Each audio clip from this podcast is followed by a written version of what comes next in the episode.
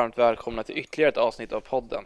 Idag går vi igenom matchen mot Palace, hur truppen mår just nu och den kommande matchen mot Brighton. Välkomna! Om vi då hoppar in då här i matchen senast mot eh, Crystal Palace tänkte jag bara börja med att säga att om jag låter lite tyst, lite täppt i näsan så är det för att jag kämpar med pollenallergier så ni vet varför. Men eh, det var en väldigt tuff förlust. Eh, framförallt då på grund av en otroligt svag första halvlek där vi inte alls var liksom eh, ja men vakna är väl rätt ord. Det var, det var långsamt tempo i, i passningsspelet, i, i mentaliteten i närduellerna och det i kombination med att Palace är ett bra lag nu under Viera som spelar väldigt fysiskt, väldigt snabbt. De har en spelidé. Eh, resulterade med att vi ja, torskade med 3-0 och eh, det var ett flertal spelare som var verkligen under sin normala nivå. Då tänker jag framförallt på Gabriel som gjorde två liksom, stora positionstabbar på två av målen. Partey som inte kunde sätta en passning i första halvlek. Um, Ödegård vars touch var bedrövlig, vilket är väldigt förvånande sett till hans fina form på sistone. Och sen då att Lacazette än igen gick mållös och ja, inte lyckades göra det som han är på planen för att göra. Um, och sen har vi då även eh, Tavares som för andra gången blev utbytt innan ens andra halvlek drog igång. Eh, dels var det också för att eh, Arteta ville justera lite taktiskt och det var han som fick bli uppoffringen för att få in andra spelare på planen men han var ju också bedrövlig måste man säga. Ja, det var väldigt, ja, det var en käftsmäll helt enkelt den här matchen och det var tydligt att Palace hade gjort sin läxa och läst på och eh, lokaliserat liksom eller ja, verkligen insett hur de skulle straffa oss och sättet vi spelar på. Framförallt hur vi vill då starta våra anfall och spela upp för de satte en väldigt hög eh, press med Gallagher som eh, lite spjutspetsen för den pressen då, då. Och den fick ju verkligen effekt och jag tror den fick extra stor effekt i och med att vi hade ja, men Tavares på ytterbacken istället för Tierney och då kanske man tänker liksom att ja, men en ytterback gör väl inte så stor skillnad men jo det sprider ju en viss grad av oro med en, med en annan ytterback där och eh, det bidrar ju då liksom till hela laget och hur vi spelar eh, och utöver det så underpresterade vi ju lite så att eh, små förändringar eh, bidrog ju ändå till att vi eh, presterade liksom märkbart sämre men som sagt deras enormt starka press där eh, var ju också starkt bidragande till det. Eh, men sen när man såg andra halvlek så steppade vi upp och spelade mer likt eh, så som hur vi brukar spela och vi borde ju ha gjort två mål, både Smith Rowe och Ödegård hade ju två jättefina lägen. Eh, men som helhet så kan vi väl precis som alla andra tyckare har gjort konstatera att sådana här förluster sker. Det är inget eh, jättestort problem med just den här förlusten i sig utan det händer även de bästa lagen. Det som vi båda två nog tycker är det absolut värsta här det är ju skadorna och det är inte skador på vilka spelare som helst utan det är Tierney som är ja, borta resten av säsongen och Partey lär missa en större del av eh, slutfasen här på den här säsongen också och det är ju två nyckelspelare. Så att eh, eh, förlusten i sig innebär ju liksom inte eh, att chanserna för topp 4 minskar enormt mycket utan det som gör att man känner sig lite mindre optimistisk gällande Champions League-spelarnas säsong är ju de här två skadorna på, på nyckelspelare. Yes, och med det sagt så kliver vi då in på vårt nästa segment här och det är ju truppstatusen nu. Som sagt, skadorna eh, är ju det största orosmolnet och det är ju diskussionen överallt den här veckan. Hur ska vi ställa upp nu? Hur påverkar det här oss? Är då Nuno Tavares som är tänkt att ta vänsterbackspositionen och eh, Sambi Lokonga som är tänkt att fylla Partis eh, roll eller i alla fall ta plats på mittfältet nu när Parti är borta. Är de tillräckligt bra? Kommer deras eh, liksom, prestationer eh, vara tillräckligt bra nog för att vi ska kunna klara av att fortsätta vinna matcher? Kommer vi som lag spela tillräckligt bra med dem i elvan? Eh, det är ju det som är det absolut största orosmomentet nu och eh, gällande hur vi ska ställa upp och så vidare så har ju mm, liksom bara du och jag haft lite olika uppfattning och eh, hur man ska balansera laget, vilka spelare som ska in och ut och sådär.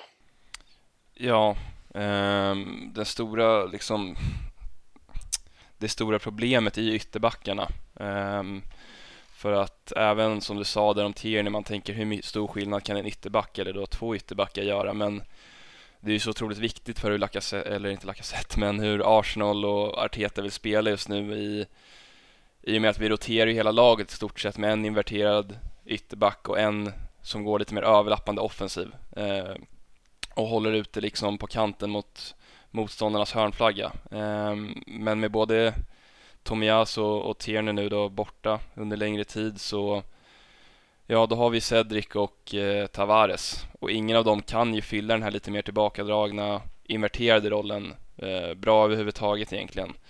Eh, så frågan är ju liksom hur han ska ställa upp den backlinjen, om man ska köra Ben White på en högerback, slänga in Holding som mittback eh, och sen då låta Tavares liksom hålla sin kant som han gjorde fint förut när Tierney var skadad. Eh, han gjorde det så pass bra att Tierney till och med var utanför elvan under några matcher när han faktiskt var frisk. Eh, eller ska man ta ner Xhaka på en vänsterback som han gjorde här mot Crystal Palace i andra halvlek och låta Cedric löpa framåt medan Xhaka håller sig mer tillbakadragen på andra kanten. Det är, det är svårt att säga. Eh, om man fick tippa så tror väl både du och jag att han kommer köra liksom Cedric och Tavares från start och Ehm, ja, men chansa lite på att det, en av deras defensiva liksom kvaliteter bara måste hålla och, och sen får det läcka om det läcker och så får vi hoppas att offensivt eh, att vi kan göra tillräckligt bra för att liksom kompensera för det. Um, och sen har vi även då på mittfältet om Lokonga lär starta. Uh, vad ska vi då göra av Xhaka? Kan han gå ner på en vänsterback? Har vi råd att tappa både honom och parti från mittfältet? Ska Smith Rowe gå in tillsammans med Ödegård framför en sittande Lokonga eller Xhaka? Det är ju liksom, man kan diskutera hur mycket som helst i det.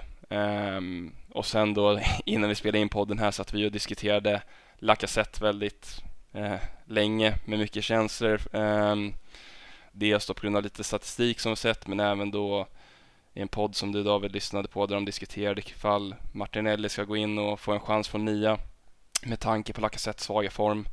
Uh, då framförallt i målskyttet men uh, vi landar väl båda ändå i att Lacazette ska starta på grund av att han är så viktig just i den här falsk rollen för att få in yttrarna i spel. Um, men ja, hur elvan blir på, på lördag mot Brighton, det blir spännande att se hur mycket Arteta vågar chansa eller hur mycket han safear om man vill säga så. Det blir eh, väldigt spännande och eh, jag skulle nog ändå vilja säga att Eh, lite lätt inspirerad av Charles Watts som jag tycker att alla som följer Arsenal ska eh, titta närmare på. Eh, Twitter och Youtube. Han var ändå inne på det att den bästa lösningen förmodligen är att fortsätta spela så likt som möjligt för det är ändå med det här lite nya spelsättet, om man ska kalla det, som vi har presterat som bäst och tagit de här poängen och satt oss i den här situationen för att ha en chans på topp 4 överhuvudtaget. Och att fortsätta på samma sätt innebär ju som du är inne på att spela eh, Tavares vänsterback, Cedric högerback och sen möjligtvis då kanske rotera mittfältet lite att Xhaka som har haft en lite mer offensiv eller framskjuten roll eh, kanske ska sätta sig lite lägre, kanske tillsammans med Lokonga eller om Lokonga då tar Xhakas gamla roll som det blir då. Um, för att Xhaka, ändå en stor anledning till att han spelar är att han är väldigt taktiskt kunnig och hög spelförståelse och sådär så han kommer ju eh, se men även att kunna ta instruktionerna att täcka upp för en framåtskjutande Tavares eh, att han helt enkelt kliver in och, och, hjälper till där det skulle ju kunna vara en lösning men eh, jag tror och eh, tycker nog ändå att det är den bästa lösningen att ändra så lite som möjligt för att för att liksom inte skapa ytterligare oro i en redan orolig tid.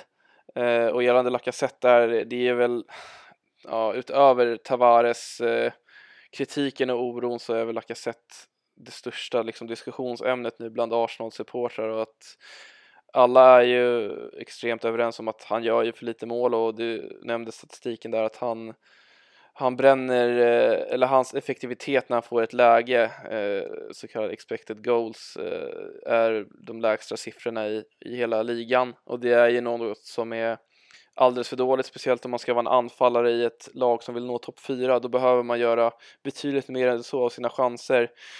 Eh, men att han gör lite mål, det är alla överens om. Den större, större diskussionen blir väl gällande huruvida han gör allt annat i sitt spel tillräckligt bra och där går det ju att vända och vrida fram och tillbaks hur mycket som helst egentligen. Eh, som sagt är vi väl ändå båda överens om att han eh, bör starta och att den rollen han gör är tillräckligt viktig i laget för att han ska behålla sin, sin startplats. Yes, och det är lite våra tankar då kring elvan och elvan ska ju då som sagt ställas upp mot Brighton nu på lördag klockan fyra. Och den här matchen är ju, ja, det känns som vi alltid använder ordet ångest, men det är en ångestmatch igen för att nu är det liksom inte rent tabellmässigt är det ju inte så att eh, det är vinna eller försvinna, men det känns som att det är vinna eller försvinna för att det här är ändå de, en av de matcherna på pappret som vi ska vinna. Eh, vi har betydligt tuffare matcher som kommer som vi har redogjort för flera gånger, men det är ett Brighton som borde passa oss och Arteta väldigt bra med tanke på att de försöker spela fotboll. De har en spel eller en tränare i Graham Potter som vill spela ett offensivt spel, ett svårt spel, spela ut från backlinjen. Eh, ingen liksom eh, pragmatisk spelstil utan snarare tvärtom. Eh, och det är också Brighton som ligger på trettonde plats i ligan. De har på sina fem senaste ett kryss och fyra torsk. Så att de är inte i form på något sätt. Eh, jag tror deras senaste match de mötte de Norwich som är ja, typ ligans sämsta lag. Eh, spelar 0-0 och brände en straff. Så att det, det är inte ett eh, Brighton med självförtroende som kommer till Emirates utan det är egentligen nästan perfekt motståndare att möta det här läget. Um, och det känns som det hade varit så otroligt skönt då om vi kan vinna relativt stabilt om Tavares kan få eh, komma in och göra en bra insats, om Lokonga kan hitta rätt på mittfältet för att sen vara redo för de här lite svårare uppgifterna. Eh, och det tycker vi väl båda två att det är ändå skönt på ett sätt nu att när det är den här lite oroliga stunden att det är Brighton hemma och sen så har 15 borta som kommer eh, där vi har lite tid att liksom stabilisera den här eh, turbulensen som råder just nu eh, och för efter de matcherna då väntar ju ett betydligt svårare schema. Ja, och det är ju så skönt som du säger att det är just Brighton nu när vi behöver en till eh, bounceback-match likt efter eh, Liverpool-förlusten. Eh, nu gäller det ju bara att ta tre poäng samtidigt som vi var inne på där när vi snackade lite om ja men hur lagelvan ska formeras och sånt där så är det ju jag vet inte, den enda liksom matchen nu av resterande spelschemat där vi kanske har råd att jag vet inte om experimentera är rätt ord, men liksom chansa lite kring och testa oss fram kring om vi kan hitta några lösningar på de här problemen som finns i elvan just nu. Um, som uh, Charles Watts som du nämnde tidigare, han diskuterar ju, ska vi gå ner på en trebackslinje? Det känns inte rätt att liksom byta formation nu när vi har liksom präglat in ett så ändå stabilt liksom grundspel med 4-3-3. Sen samtidigt känns det ju nu när partiet är borta som att 4-2-3-1 kanske är ett bättre alternativ så vi kan köra Xhaka och eh, Lokonga tillsammans. Eh, då ingen av dem egentligen känns speciellt säker liksom som ett ensamt ankare. I alla fall inte på samma nivå som Thomas. Och sen då strikerpositionen om eh, Arteta väljer då att liksom till slut bänka Lacazette. Som sagt, varken du eller jag tror väl att han kommer göra det eller nästan vill att han kommer göra det för att Lacazette är ju liksom ändå en grundpelare i hur vi har spelat nu. Sen samtidigt som vi var inne på det med hans statistik, han har ju sämst liksom mål till förväntade målsnitt i ligan och det är ju under all kritik framförallt när vi konkurrerar med liksom Tottenham som har Kane och Son. Det, det kommer inte räcka till om han fortsätter på den liksom Eh, dåliga formen han är nu. Sen kan man ju diskutera också, ska han då få spela mot ett lättare motstånd i Brighton och kanske få göra ett enkelt mål och hitta sitt fina link-up-spel igen? Det, det känns liksom som en ganska klar seger på papper i, förvä eh, i förväg, även om ingen match är det såklart, men ändå är det en match man har väldigt många frågor inför. Eh, dels då liksom i hur vi kommer liksom att ställa upp formationsmässigt, vilka spelare som kommer att spela. Eh, blir det Tavares som kommer att få vänsterbackspositionen nu?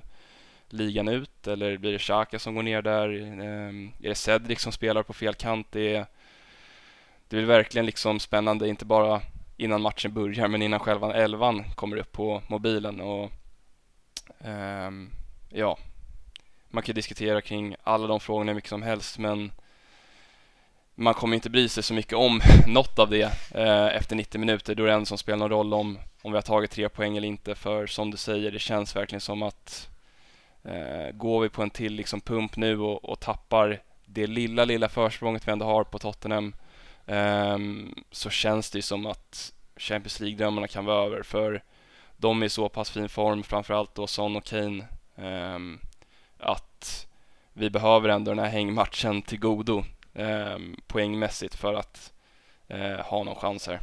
Jo, jag håller med och det känns som att man har varit i ett läge hela tiden kring eh, våra chanser att nå topp 4 där man har sett alla de här hängmatcherna och man har haft så många liksom livbojar kring det och nu börjar de här livbojarna ta slut. Eh, men jag diskuterade det med eh, några kompisar tidigare idag liksom att eh, hade man haft den här äh, situationen på förhand eller hade man fått den här situationen presenterad för sig på förhand inför säsongen med att, att vi har samma poäng som Tottenham med en match mindre spelad liksom gällande en Champions League eh, äh, eller eh, att hamna på en Champions League-placering då hade man tagit den direkt. Eh, och sen är det ju det här liksom att visst Tottenham har ett bättre spelschema och de kanske känns som knappa favoriter nu men som vi märkte i måndags och som man alltid ser i Premier League det finns, det är inte en klyscha utan det är sant att det finns ju inga enkla matcher. Alltså vi kan torska, ja, som vi såg mot Palace, vilken match som helst. Det gäller ju såklart Tottenham. Tottenham är ju inget superlag på det sättet, utan de har ju gått upp och ner under säsongen. De har gått upp och ner under Conte. De hade en förlust mot Burnley för inte alls så länge sedan som ingen förväntade sig. De vann mot City på bortaplan som ingen alls förväntade sig. Så att det är liksom det kan ju gå exakt hur som helst här och liksom jag tror många kände det efter förlusterna mot Palace att ja, nu blir det otroligt svårt här, men det är ju faktiskt inte så. Vi har allt att spela för. Vi har det i egna händer med liksom en extra chans i en hängmatch. Så det är bara att spela varje match och se hur det går här. Och eh, om man ska se helt opartiska siffror så finns det en hemsida som jag uppdaterar frekvent i, i liksom eh, för att man söker efter hopp här och det är en sida som heter 538 och de eh, liksom har satt en procentuell chans på eller Eh, procentuell siffra på eh, hur ligan kommer sluta och respektive slag möjligheter att sluta på en specifik plats. Och enligt deras uppskattningar så har vi då Arsenal en 53-procentig chans till att komma topp 4 medan Tottenham har 43. Så enligt dem har vi 10 större eh, chans då att sluta på en fjärde plats. Eh, och de flesta bettingbolagen har ju en 50-50 chans då, då, så att det är ju helt öppet, det är inte över på något sätt. Eh, och det blir ju eh, då extremt spännande. Så att börja här med, med en vinst på lördag. Eh, så fortsätter vi därifrån. Och liksom det känns ju som sagt väldigt mörkt här med med skadorna på Tierney och Partey liksom att det, att det blir så himla tufft. Och det finns all möjlig statistik som talar till exempel för att vi vinner så mycket fler matcher när Partey är i elvan. Eh, men jag vill minnas att ett av våra första avsnitt vi hade här, då satt vi och hyllade både Tavares och Lokonga just för att de presterade så pass bra, men vi sa också det att med dem i truppen så känns det inte lika tungt som förra säsongen om vi nu skulle få en skada på Tierney, Partey liksom, eller en annan mittfältare i och med att vi har uppbackning. Um, och precis det har både liksom, som jag nämnde innan, Charles Watts men även andra Arsenal-tyckare varit inne på liksom att både Lokonga och eh, Tavares har gjort det bra. Ge dem chansen nu här, de kan komma in och leverera liksom det det kan bli hur pass bra som helst liksom eh, för att eh, dra ytterligare ett exempel här så har vi Kulusevski i, i Tottenham som kom in och där var det ju ingen som tänkte att han skulle kliva in och göra brak succé direkt liksom utan där snackar man om att det var Son, Kane och Lucas Moura som skulle vara var de som startade men nu har ju Kulusevski kommit in och, och bidragit i allra högsta grad så att det är nog inte så pass mörkt som många tänker. Ja, visst, det skulle kunna bli katastrof, men det finns också en möjlighet till att det här blir väldigt bra. Det, det ska bli extremt spännande nu på lördag och se hur, hur samtliga laget eh, eh reagerar här.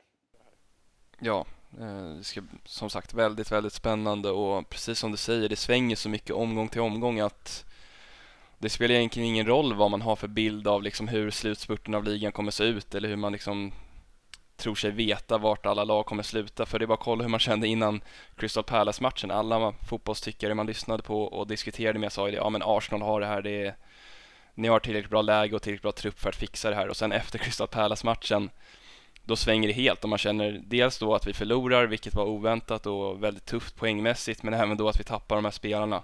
Um, under matchens gång och strax innan matchen gör ju att liksom man, man vänder ju helt i sitt humör och sin blick för hur, hur allt det här ska sluta. Uh, och vem vet, efter när matchen mot Brighton kanske det slår över igen om vi gör en bra insats och framförallt om Tavares och Lokonga får visa upp den fina formen som du nämnde att de hade tidigare under säsongen.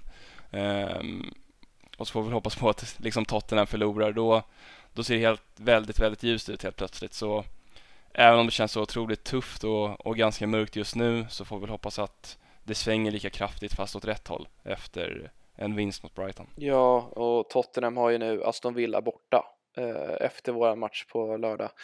Eh, och det är ju inte en lätt match med, mot Aston Villa. Jag vet att eh, återigen, nu nämner jag Charles Watts för tredje gången här, men han var inne på det när han kollade vårt spelschema eh, tidigare att han såg den här Aston Villa-matchen som vi till slut vann då, då, men han såg den verkligen som ett bananskal som han uttryckte det att det är absolut en match där man kan tappa poäng för att komma till Aston Villa på bortaplan, det är inte enkelt.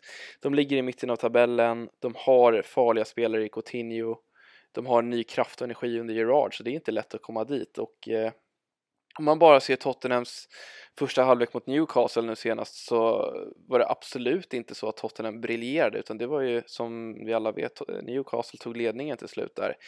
Eh, och det som Tottenham eh, ja, men vinner på mycket nu, alltså det är ju dels att Conte har fått in sin eh, liksom typiska spelstil med liksom trebackslinje och liksom eh, en annan stabilitet men framförallt så är det ju att Kane eller Son även då Kulusevski, men framförallt Kane och sånt, de blixtrar till och eh, gör grejer liksom som eh, utöver övriga spelares förmåga.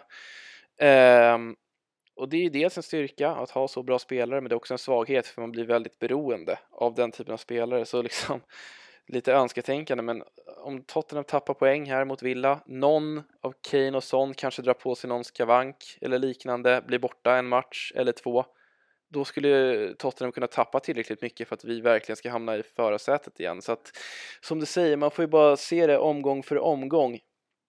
Och kanske avslutningsvis, vi har ju faktiskt en match mot Tottenham eh, kvar.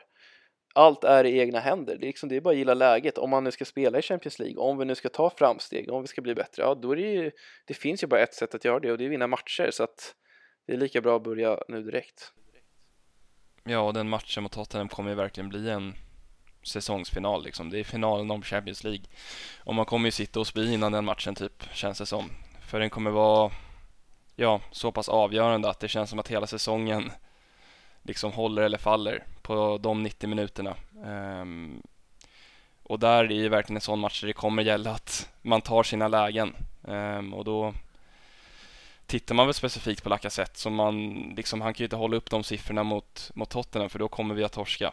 Och samma gäller då som du var inne på eh, Smith Rowe och framförallt Ödegård som har bränt två eh, fina lägen här mot dels då Crystal Palace och en mot Liverpool också.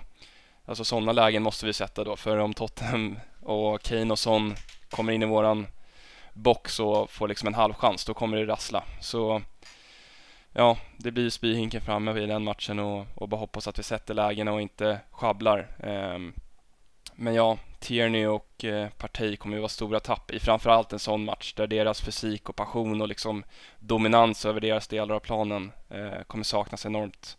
Men vi får väl hoppas som sagt att eh, Tavares och Lokonga kan hitta form, eh, framförallt inför då de tyngre mötena som väntar mot United, Chelsea och Tottenham. Ja, ja och Tierney kommer vi vara utan. Med Partey vet man ju inte riktigt hur pass allvarlig skadan är. Det, vi vet ju att det är baksida lår, att det är någon form av bristning där eller liksom något som är paj.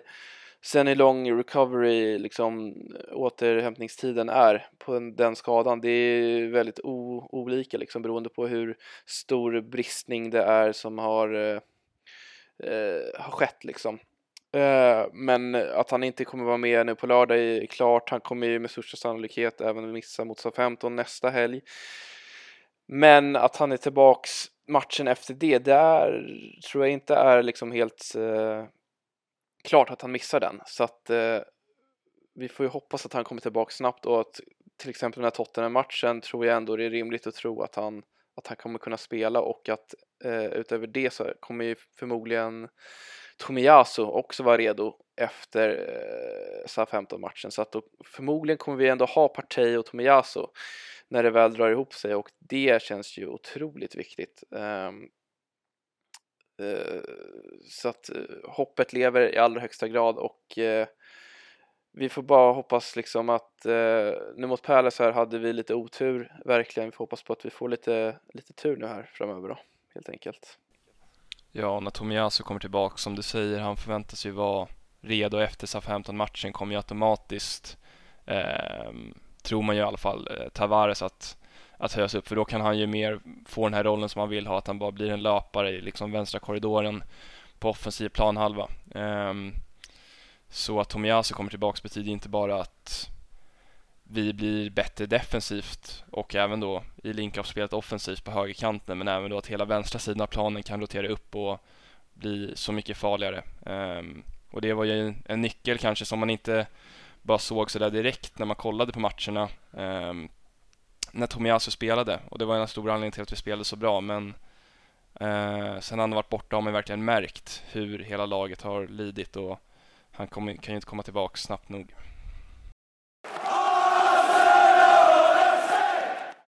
Yes, och där var vi ju klara för idag då. då. Eh, får vi hoppas på en eh, fin seger här mot Brighton eh, och så kommer det ett nytt avsnitt eh, nästa vecka då, då vi pratar upp eh, SA-15-matchen och analyserar Brighton-matchen. Eh, utöver det, som vanligt, vill vi väl passa på att lyfta vårt Twitterkonto som heter Arsenalpodden. Eh, framförallt om ni har några åsikter och sådär så är det väl lättast att nå oss där med en kommentar på senaste inlägget. Vi kommer att publicera där när vi lägger upp eh, det här avsnittet. Eh, så tack för oss, vi hörs eh, nästa vecka. Tack för oss, ha det bra.